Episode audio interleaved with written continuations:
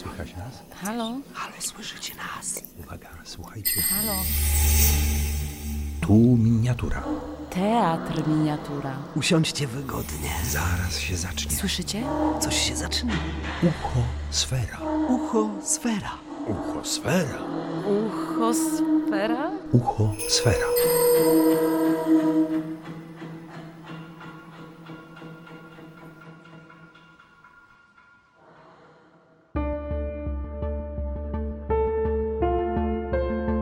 Miejski Teatr Miniatura i Radio Gdańsk przedstawiają Juliusz Wern 20 tysięcy mil podmorskiej żeglugi.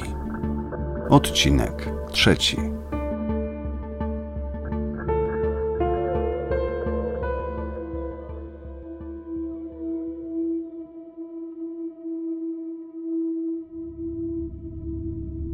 Gdzie jesteśmy? Moi przyjaciele, jesteśmy na pokładzie Nautilusa 50 metrów pod poziomem morza.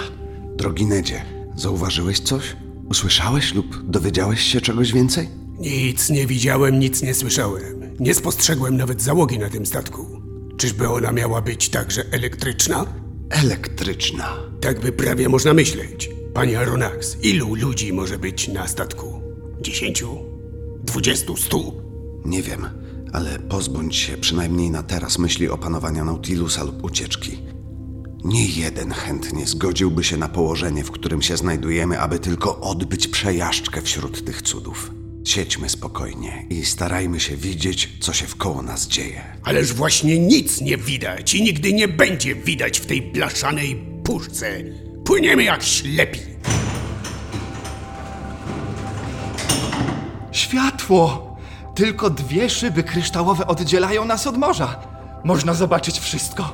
Wszystko w promieniu jednej mili naokoło Nautilusa. Co za widok! O, o! To rząd Hydromedus! Chciałeś widzieć, przyjacielu Ned. Patrz teraz.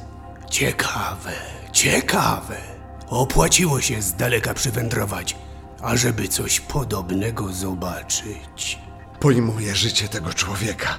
Stworzył sobie świat oddzielny, który go darzy niezrównanymi cudami. A ryby? Nie widzę jakoś ryb. I cóż cię one obchodzą, przyjacielu Ned? Kiedy się na nich nie znasz. Jak to? Ja? Rybak? Przyjacielu Ned, wiem, że zabijasz ryby i łowisz je bardzo zręcznie. Ale założyłbym się, że nie wiesz, jak je klasyfikować należy. I owszem, ryby dzielą się na takie, które się je i na inne, których się nie jada. To mi podział smakosza. Otóż właśnie, przyjacielu Konsej, różne gatunki i odmiany przed nami przepływają. Tak, to ryby. Wyglądamy, jakbyśmy stali przed akwarium. Nie, bo akwarium to zawsze tylko klatka. A tu ryby swobodne są jak ptaki w powietrzu. Całe wojsko morskie eskortuje Nautilusa. To zielona labra! O, a to barwena berberyjska znaczona podwójną czarną pręgą. Nigdy przedtem nie widziałem tych zwierząt żywych, swobodnych w ich właściwym żywiole. Zbierają się liczniej niż ptaki w powietrzu. Metalowe ściany zasunęły się. Czarujący widok zniknął. Wróciwszy do swego pokoju z Nedem i Konsejem, zastałem na stole list. Kapitan Nemo zaprasza profesora Aronax na polowanie, które odbędzie się jutrzejszego rana w lasach na wyspie Crespo. Spodziewa się, że profesorowi nic nie przeszkodzi w nim uczestniczyć i z przyjemnością będzie widział z nim razem jego towarzyszy. Dowódca Nautilusa, kapitan Nemo. Polowanie! I to w lasach na wyspie Crespo. Zatem ten dziwak wysiądzie na ląd. Kiedy staniemy na ziemi, zobaczymy, co począć dalej. Zresztą nie gniewa mnie to wcale, że sobie zjem parę kawałków świeżego mięsa. Nazajutrz, zbudziwszy się, poczułem, że Nautilus stoi całkiem nieruchomy. Jesteśmy na miejscu. Jakim sposobem, zerwawszy wszelkie stosunki z ziemią, posiadasz pan lasy na wyspie Crespo? Lasy, które posiadam, nie potrzebują od słońca ani światła, ani ciepła. Nie są to lasy ziemskie, ale podwodne. Lasy podwodne. I chce mnie pan do nich zaprowadzić. Właśnie. Pieszo? I suchą stopą. Polując? Z bronią w ręku? Z bronią w ręku. Spojrzałem na dowódcę Nautilusa wzrokiem, który nie wyrażał dlań nic pochlebnego. Myśl ta dawała się wyraźnie wyczytać z mej twarzy. Panie profesorze, nie trzeba nigdy sądzić o ludziach lekkomyślnie. Weszliśmy do celki leżącej na samym skraju statku obok izby maszyn, żeby się ubrać w stroje spacerowe. I pan się w to ubierzesz? Trzeba, drogi Nedzie. Nie włożę tego za nic w świecie. Nie będę cię zmuszać. A Konsej, czy się odważy? Ja wszędzie pójdę za panem. W chwilę potem stąpałem po dnie morskim. Kapitan Nemo szedł naprzód. Conseil i ja trzymaliśmy się obok siebie. Promienie słońca padały na powierzchnię fal pod kątem dosyć ukośnym i za dotknięciem ich światła kwiaty, skały, odziomki, muszle mieniły się po brzegach siedmiu kolorami słonecznego widma. Był to cud, uroczystość dla oka.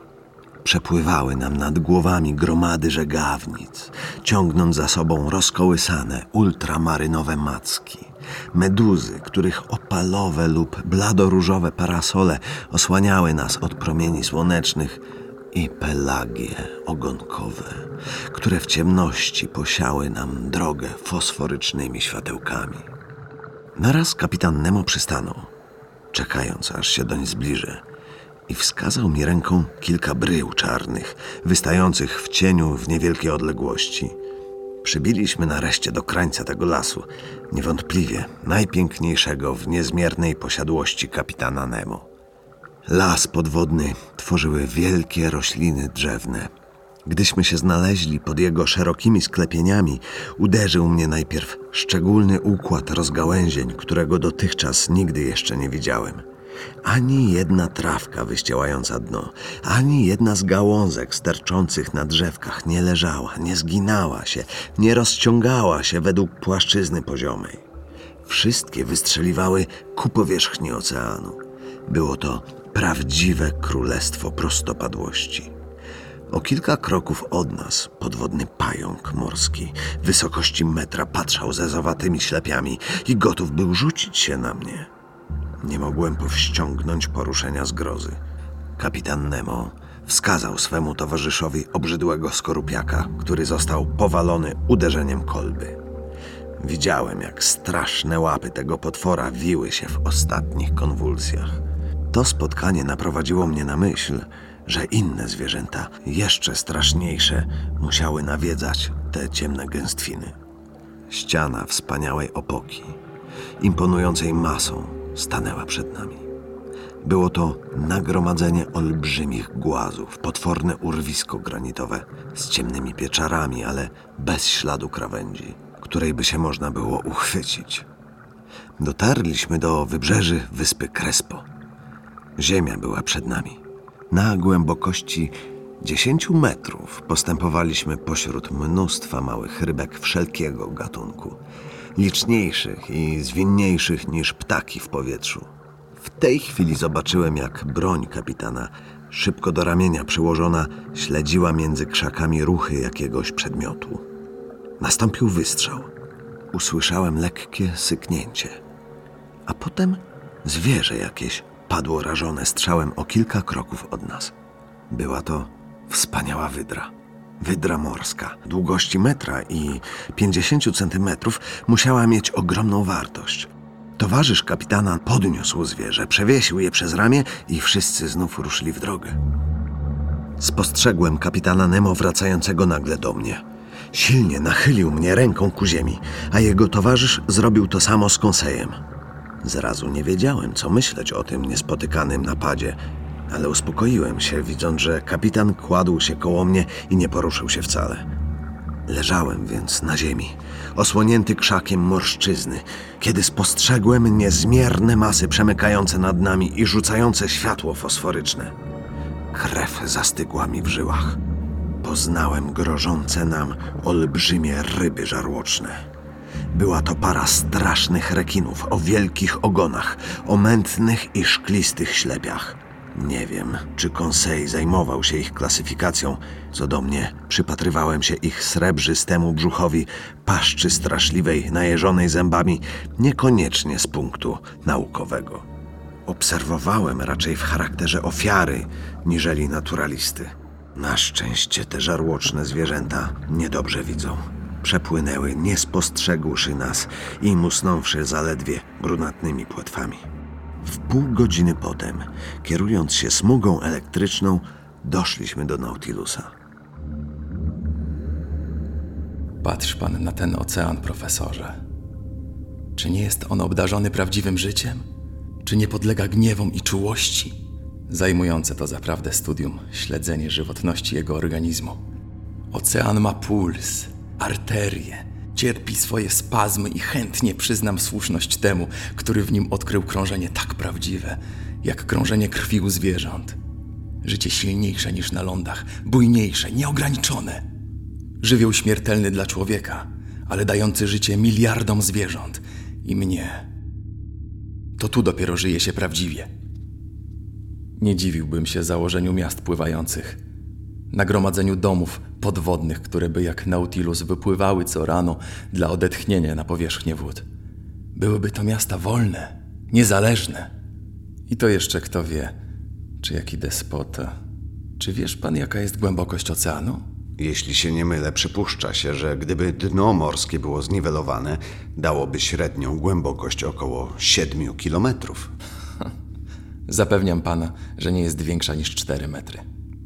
Pozwoli pan, że teraz opuszczę pana. Oczywiście.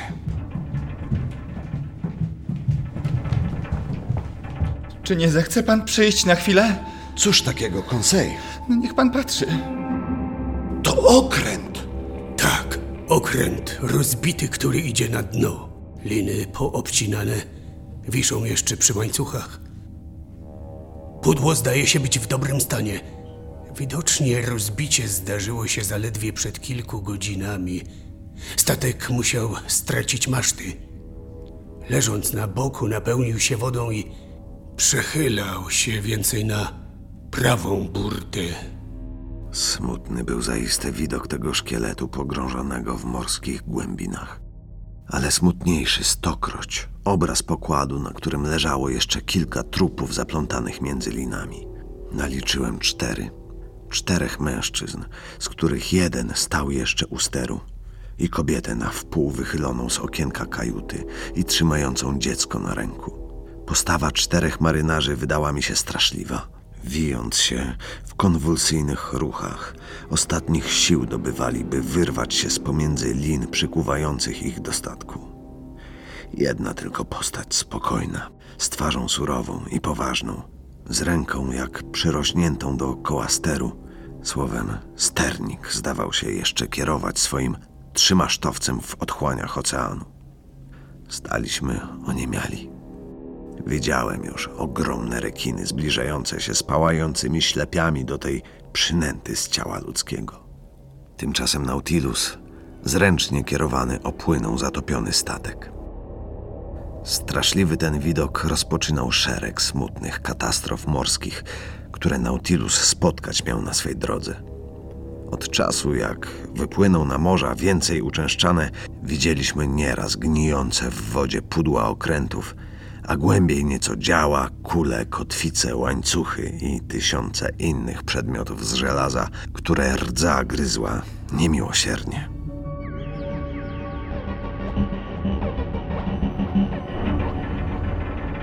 To mi dopiero szkaradne morze. W istocie niegodziwe i wcale nieodpowiednie dla takiego statku jak Nautilus. Ten potępieniec kapitan musi być bardzo pewny swej drogi, bo widzę tam koralowe sterty, które by rozerwały na tysiąc sztuk jego pudło, gdyby choć cokolwiek o nie otarło.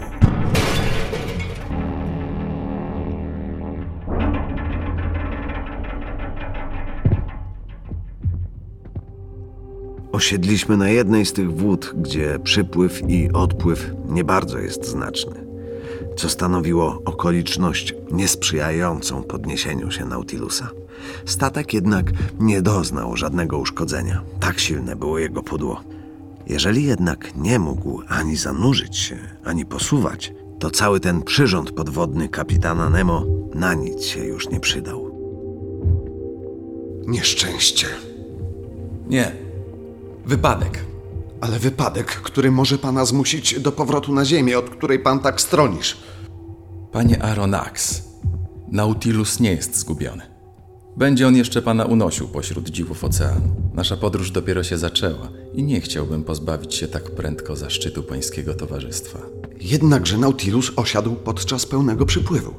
Przypływ i odpływ na oceanie spokojnym bywa słaby i jeżeli nie potrafisz pan zrobić Nautilusa lżejszym, co zdaje mi się niemożliwym, nie widzę, jakim sposobem zdoła się podnieść.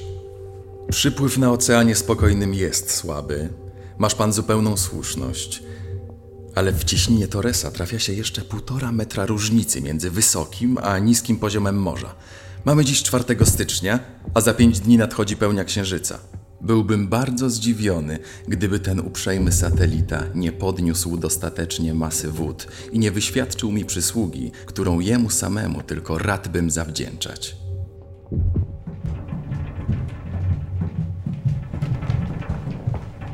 I cóż, panie, Nic, przyjacielu Nedzie. Będziemy czekać spokojnie na przypływ dziewiątego tego miesiąca, bo zdaje się, iż księżyc będzie tak grzeczny, że nas wyniesie na wierzch fali. i ten kapitan nie myśli zarzucić kotwic, założyć do swej maszyny łańcuchów i robić co można, by się wydostać? Jeżeli przypływ wystarczy, to Możesz mi pan zawierzyć, gdy mówię, że ten kawał żelaza nie będzie już nigdy pływał ani po wodzie, ani pod wodą. Myślę więc, że nadeszła chwila, w której wypadałoby pożegnać kapitana Nemo. Przyjacielu Nedzie, nie zwątpiłem jeszcze tak jak ty w dzielnego Nautilusa i za cztery dni będziemy wiedzieć, co mamy sądzić o przypływach Oceanu Spokojnego. Zresztą pomysł ucieczki może byłby dobry przy brzegach Anglii albo Prowansji, ale na wodach Papuazji zawsze będzie dość czasu na taką ostateczność. Ale czy by nie można choć wypróbować tego gruntu? Oto wyspa. Na tej wyspie są drzewa, a pod tymi drzewami zwierzęta lądowe, zwiastuny kotletów i rozbefów, na których z ochotą poostrzyłbym trochę zęby. w tym punkcie przyjaciel Net ma słuszność i, i zupełnie podzielam jego zdanie. Czy by pan nie mógł wyjednać u swego przyjaciela, aby nas kazał przewieźć na wyspę? Choćby tylko dlatego, żebyśmy nie zapomnieli chodzić po ziemi. Mogę go poprosić, ale odmówi. Niech pan spróbuje, a dowiemy się, co myśleć o uprzejmości kapitana. Z niemałym zdziwieniem kapitan Nemo udzielił pozwolenia. Zrobił to nawet z wielką grzecznością i chęcią, nie żądając obietnicy powrotu na pokład. Ucieczka jednak przez Nową Wineę byłaby bardzo niebezpieczna i nie radziłbym Nedowi Landowi jej próbować. Lepiej było zostawać więźniem na pokładzie Nautilusa, niżeli wpaść w ręce mieszkańców Papuazji. Nazajutrz czółno spuszczone zostało na morze. Wiosła leżały na statku i pozostało nam tylko zająć w nim miejsce. Uzbrojeni w siekiery i strzelby elektryczne odbiliśmy od Nautilusa. Morze było dosyć spokojne. Czółno dawało się łatwo kierować i szybko płynęło. Mięso! Będziemy więc jedli mięso! I to jakie mięso? Prawdziwą zwierzynę! Bez chleba, niestety. Nie powiadam, by ryba była złą rzeczą, ale nie trzeba jej nadużywać i kawał świeżego mięsa upieczonego na rozżarzonych węglach nader przyjemnie urozmaici naszą codzienną strawę. Żarłok! Ach, sprowadza mi ślinkę do ust. Trzeba by jeszcze wiedzieć, czy te lasy obfitują w zwierzynę i czy to czasem nie tak gruba zwierzyna, że sama raczej upoluje myśliwego. Będę jadł tygrysa. Krzyżówkę z tygrysa, jeżeli nie ma innych zwierząt na tej wyspie. Przyjaciel Net jest niebezpieczny. Niech sobie będę, ale każde czworonożne stworzenie bez piór, albo dwunożne z piórami, pierwszy powitam wystrzałem z mej broni. O, jegomość pan Net zaczyna znowu szaleć. Nie lękaj się, panie Aronax, i płyń pan ostro. Potrzeba mi tylko 25 minut, by poczęstować pana przyrządzoną na mój sposób potrawą. Czółno Nautilusa zatrzymało się na piaszczystym brzegu. Wysiadając na ląd, doznałem wzruszenia. Ned próbował ziemi nogą, jakby jej nie ufał. Spostrzegłszy palmę kokosową, strącił z niej i roztłukł kilka owoców. Mieliśmy więc mleko do picia i miąższ owocu do zjedzenia. Tym większa przyjemność, że na pokładzie Nautilusa nic podobnego nie miewaliśmy. To rzecz wyborna. Przewyborna. Myślę, że jegomość pan Nemo nie obraziłby się, gdybyśmy mu przynieśli ładunek kokosowych owoców. Obrazić się. mm, Nie obrazi, ale nie skosztuje. Tym gorzej dla niego. A tym lepiej dla nas. Będziemy mieli więcej dla siebie. Zobaczmy, czy nie ma na tej wyspie czegoś jeszcze innego, równie pożytecznego. Jarzyny świeże bardzo by się przydały naszej kuchni, ale pilnujmy się, bo choć wyspa nie zdaje się być zamieszkana, jednak może są na niej indywidua mniej niż my przebierające w zwierzynie. A, rozumiem. Co rozumiesz, Ned? Cóż, zaczynam pojmować przyjemności ludożerstwa. Co też ty gadasz, mój kochany? Ty? Ludożercą? O, to już dla mnie teraz niebezpiecznie będzie mieszkać razem z tobą w jednej kajucie. Mógłbym się obudzić któregoś ranka na pół zjedzony. Mój przyjacielu, lubię cię naprawdę. Ale nie na tyle, żebym cię nie miał zjeść. Bez potrzeby. Nie będę ci już ufał. Idźmy na polowanie, bo trzeba koniecznie czegoś temu kanibalowi, żeby mnie mój pan całego miał na swe usługi. Weszliśmy pod ciemne sklepienie lasu. Znaleźliśmy roślinę jadalną, jedną z najpotężniejszych w tych okolicach podzwrotnikowych, dającą to, czego brakowało na pokładzie. Było to drzewo chlebowe, bardzo obficie rosnące na wyspie Geboroar. Zobaczysz pan, jaki to chleb wyborny. Szczególnie dla tych, którzy dawno chleba nie jedli. Dałbym palec za to, com znalazł. No cóż to takiego? Muszla! Ależ to po prostu ślimak, zwany oliwką porfirowaną. Tak, tak, tak, to oliwka, ale patrz, zamiast być skręcony z prawej strony ku lewej, skręcony jest od lewej ku prawej. Czy to być może? Tak, mój kochany, to muszla lewa. Lewa! Patrz, no patrz na jej skręty. Niech mi pan wierzy, jeszcze nigdy nie byłem tak wzruszony. A gdybyśmy tak nie wrócili na noc do Nautilusa? Co to? Kamień ten nie spadł z nieba. Czy to małpy? To dzicy! Do łodzi.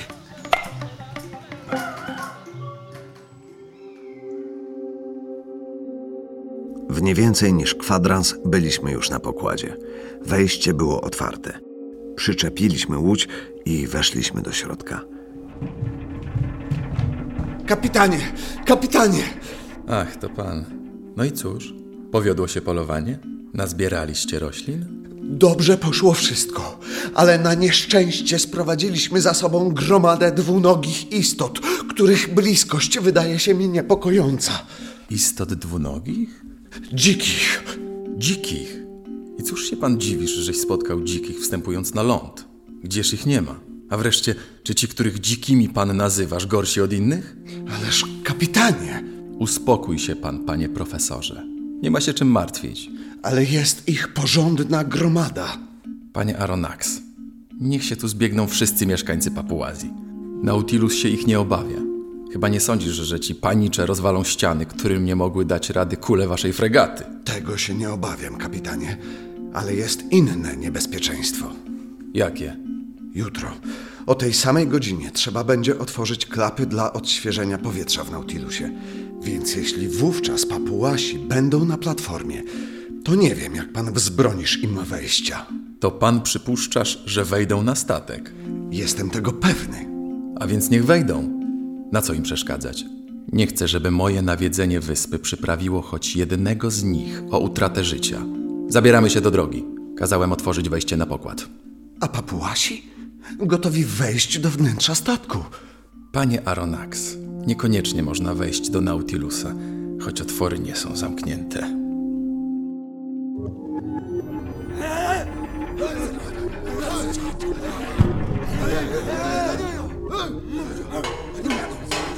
Gdy odsunięto pokrywy, pokazało się ze dwadzieścia strasznych postaci. Ale zaraz pierwszy tubylec, który położył rękę na poręczy schodów, odrzucony został nie wiem jaką siłą i uciekł krzycząc w niebogłosy, wyłamując się w kształty potworne. Dziesięciu innym, którzy wejść próbowali, to samo się stało. Konsej był zachwycony. Gwałtowniejszej natury Ned Land nie mógł wytrzymać na miejscu i rzucił się ku schodom. Ale gdy chwycił się poręczy, wywróciło go coś natychmiast. To już nie była poręcz, ale sztaba metalowa naelektryzowana. Śmiało można było powiedzieć, że kapitan odgrodził się od napastników nieprzebytą siecią elektryczną. Przerażeni papułasi umknęli, a my, śmiejąc się, uspokajaliśmy biednego Neda Landa klnącego jak potępieniec. Tymczasem Nautilus, wzniesiony ostatnimi przybierającymi falami, wzniósł się ze swego koralowego łoża, tak jak kapitan zapowiedział. Statek opuścił niebezpieczne mielizny cieśniny Torresa. Było to słuchowisko na podstawie powieści Juliusza Werna 20 tysięcy mil podmorskiej żeglugi. Wystąpili Aronax Piotr Srebrowski, kapitan Nemo Marcin Marzec, Konsej Piotr Kłódka, Ned Land Jacek Majok, kapitan Farago Krystian Wieczyński oraz załoga i papułasi Wojciech Stachura, Jakub Erlich. Muzyka i przestrzeń dźwiękowa Piotr Pawlak. Realizacja akustyczna Stefan Kotiuk. Producentka Emilia Orzechowska. Adaptacja i reżyseria Anna Wieczór-Bluszcz. Produkcja Miejski Teatr Miniatura i Radio Gdańsk. Projekt zrealizowany dzięki dofinansowaniu Stowarzyszenia Autorów ZAIX. Wsparcie ze środków Funduszu Przeciwdziałania COVID-19. Przyjaciel Teatru Miniatura GIFK.